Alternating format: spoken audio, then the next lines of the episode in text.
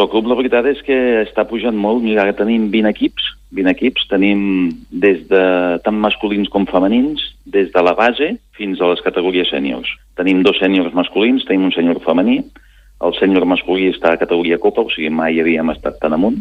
El femení el tenim a primera catalana, també, eh, des dels preminis fins als sèniors. I llavors hem de tenir en compte que totes les escoles de Lloret, les sis, eh, fan una activitat extraescolar de bàsquet que la organitza el mateix bàsquet Lloret. La meitat del nostre club bàsicament és femení eh, i, i volem mantenir o sigui, el mateix nivell que el masculí.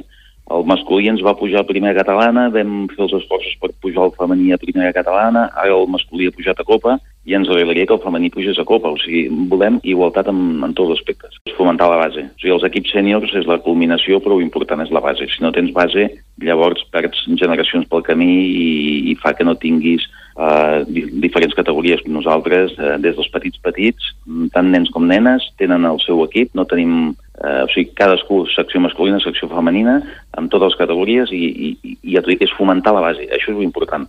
Ho de més, els èxits ja en, en els sèniors ja, ja arribarà.